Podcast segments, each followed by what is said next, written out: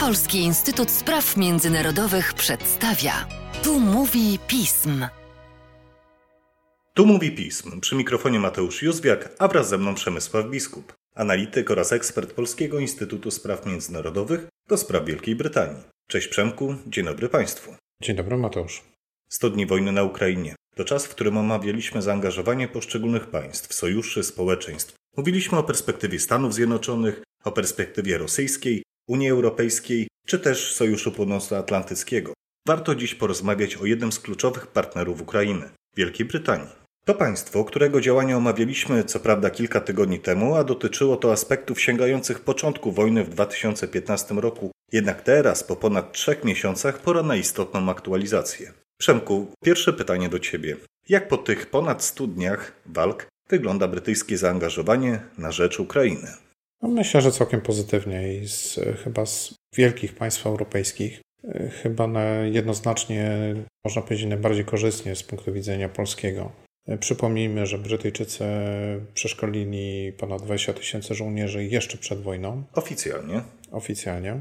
Oficjalnie również dostarczyli kilka tysięcy pocisków przeciwpancernych i dużo innego sprzętu wojskowego, dużą część przed wojną, co również odegrało, można powiedzieć, dosyć y, dużą rolę w tym, że ta wojna nie skończyła się w trzy dni. Oczywiście jest to podstawa, odpowiednie przeszkolenie i przyzwyczajenie się do specyfiki każdej broni.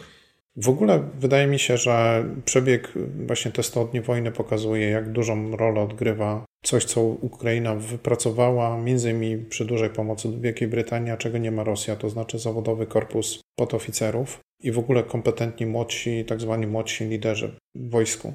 Analizy brytyjskie mówią, że funkcjonalnie w armii rosyjskiej funkcjonalność jest przesunięta o dwa stopnie wojskowe, czyli e, robotę, którą wykonuje sierżant, musi wykonywać powiedzmy kapitan w armii, armii rosyjskiej. Co zresztą tłumaczyłoby, zdaniem Brytyjczyków, dlaczego tak wielu generałów rosyjskich zginęło podczas tej wojny. I to, co jest może jeszcze bardzo istotne, wracając do Twojego pytania, to to, że ta pomoc brytyjska ciągle płynie i, i ciągle dotyczy, można powiedzieć, kategorii uzbrojenia, wyposażenia, które są dosyć krytyczne. Brytyjczycy współpracę z Duńczykami dostarczyli na przykład baterie rakiet przeciwokrętowych Harpoon, zaczęli dostarczać jako jedni z, pier z, pierwszych, chociaż oczywiście na skalę już dzisiaj znacznie mniejszą niż Polska, pojazdy opancerzone czy armatohaubice AS-90, które przypomnijmy były bazą dla naszych krabów.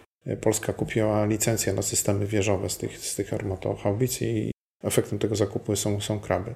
Więc wydaje mi się, że uwzględniając bardzo taką jednoznaczną postawę e, rządu brytyjskiego i z e, postawy społeczeństwa, które akceptuje taką postawę rządu brytyjskiego, Wielka Brytania na tle Niemiec, Francji, Włoch, Hiszpanii no, ma zdecydowanie największy poziom zaangażowania, jeżeli chodzi o państwa europejskie, e, na rzecz Ukrainy i pod tym względem wydaje się bardzo cennym sojusznikiem dla Polski i państw Europy Środkowo, Środkowo-Wschodniej.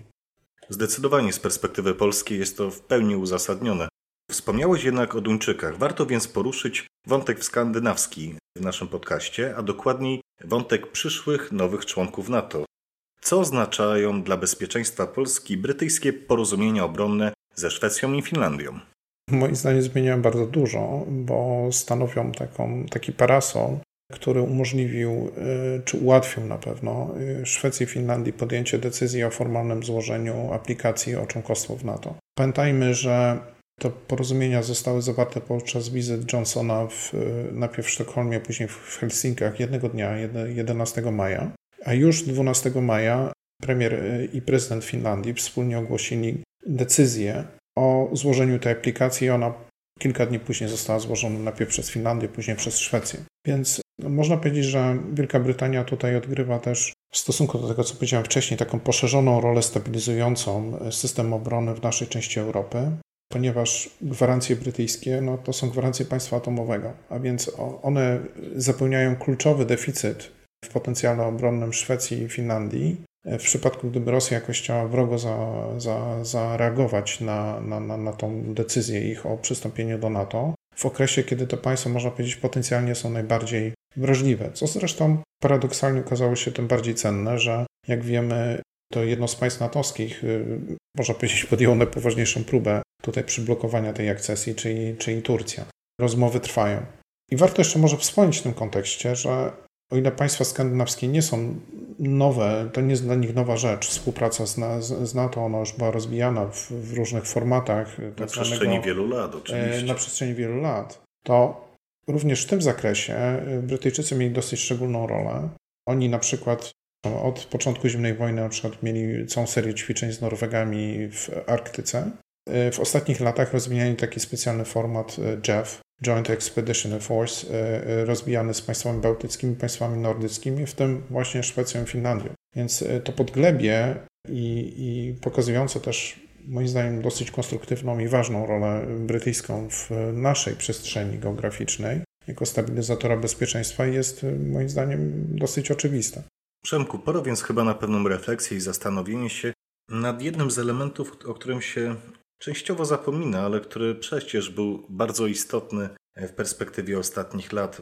Z naszej perspektywy polsko-brytyjska współpraca teraz ulega wielkiej zmianie, ale jak Twoim zdaniem zmieniła się ta zależność i, ta, i to zacieśnianie współpracy na skutek rosyjskiej agresji, a w kwestiach związanych z Brexitem? Trzeba powiedzieć, że negocjacje brexitowe i umowy wynegocjowane, one miały taki specyficzny kąt, y, pod którym były negocjowane, i który był bardzo zdominowany przez kwestie, moim zdaniem, jednak y, instytucjonalno-ekonomiczne. I w całej tej układance y, kwestia dosyć ważnej roli brytyjskiej w przestrzeni bezpieczeństwa i polityki zagranicznej została jakoś pominięta. Częściowo z inicjatywy brytyjskiej, ale też powiedziałbym, moim zdaniem, poprzez brak aktywności strony europejskiej. Nie zabiegano aktywnie o to, żeby utrzymać Brytyjczyków w tej pobrexitowej architekturze europejskiego bezpieczeństwa. Nieco ponad rok temu Brytyjczycy wydali też przegląd strategiczny, w którym pokazywali, że ich wizja zaangażowania jest przede wszystkim w obszarze y, basenu Oceanu Indyjskiego i Pacyfiku, choć oczywiście jak przyjrzymy się przeglądowi, to widzimy, że oni też wskazywali, że głównym źródłem zagrożeń y, wojskowych jest Rosja. Niemniej y, zapowiadane plany inwestycyjne, one skupiały się na tym obszarze Indo-Pacyfiku, rozwoju lotnictwa, marynarki wojennej itd. Tak I y, dlaczego o tym wspominam? Dlatego, że wydaje mi się, że ta mm, sytuacja wojenna w Ukrainie, rosyjska agresja, ona pokazała bardzo ciekawe przewartościowanie, bo z jednej strony Brytyjczycy przy wszystkich swoich ograniczeniach jednak wykazują się systematycznym i moim zdaniem bardzo skutecznym e, zaangażowaniem na rzecz Ukrainy. Moim zdaniem oni dokonują bardzo dobrej aplikacji tego potencjału, którym realnie dysponują, w momentach, kiedy ten potencjał odgrywa dużą rolę, tak jak na przykład z tymi szkoleniami dla żołnierzy do, do czasu wybuchu wojny. To jest jedna rzecz. A z drugiej strony, no jakby ich system polityczny pozwala na grywanie tutaj e, dosyć centralnej, aktywnej roli. W znacznie większym stopniu niż na przykład w Niemczech, gdzie kwestie zaangażowania wojskowego za granicą są bardzo kontrowersyjne z punktu widzenia polityki wewnętrznej.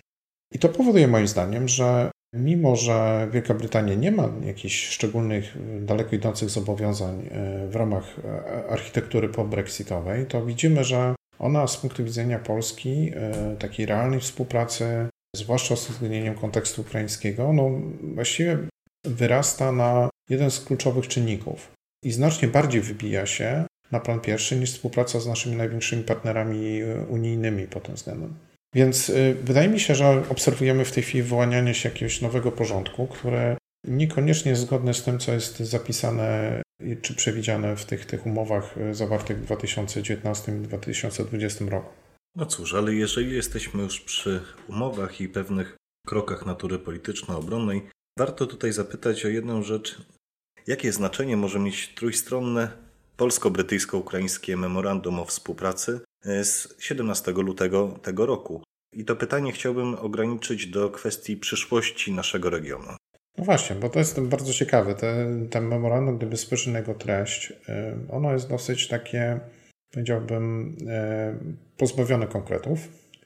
E, oczywiście w momencie, kiedy ono było podpisywane, było pomyślane przede wszystkim jako oznaka poparcia międzynarodowego dla Ukrainy, w, co już dzisiaj wiemy, przededniu praktycznie inwazji rosyjskiej. Natomiast e, jakby mamy pewną ideę, mamy pewien szkielet i trzeba na nim zawiesić później te mięśnie, prawda? I tutaj chciałem zachęcić naszych słuchaczy i osoby sympatyzujące z pracą pismu do śledzenia y, w, na początku lipca obrad, które też będą dostępne w streamingu największej polsko-brytyjskiej konferencji, podczas której będziemy dyskutować właśnie na tym, jaką treść można wlać, można by wlać, jaką warto by wlać w tą formę, prawda, którą po raz pierwszy stworzono 17 lutego.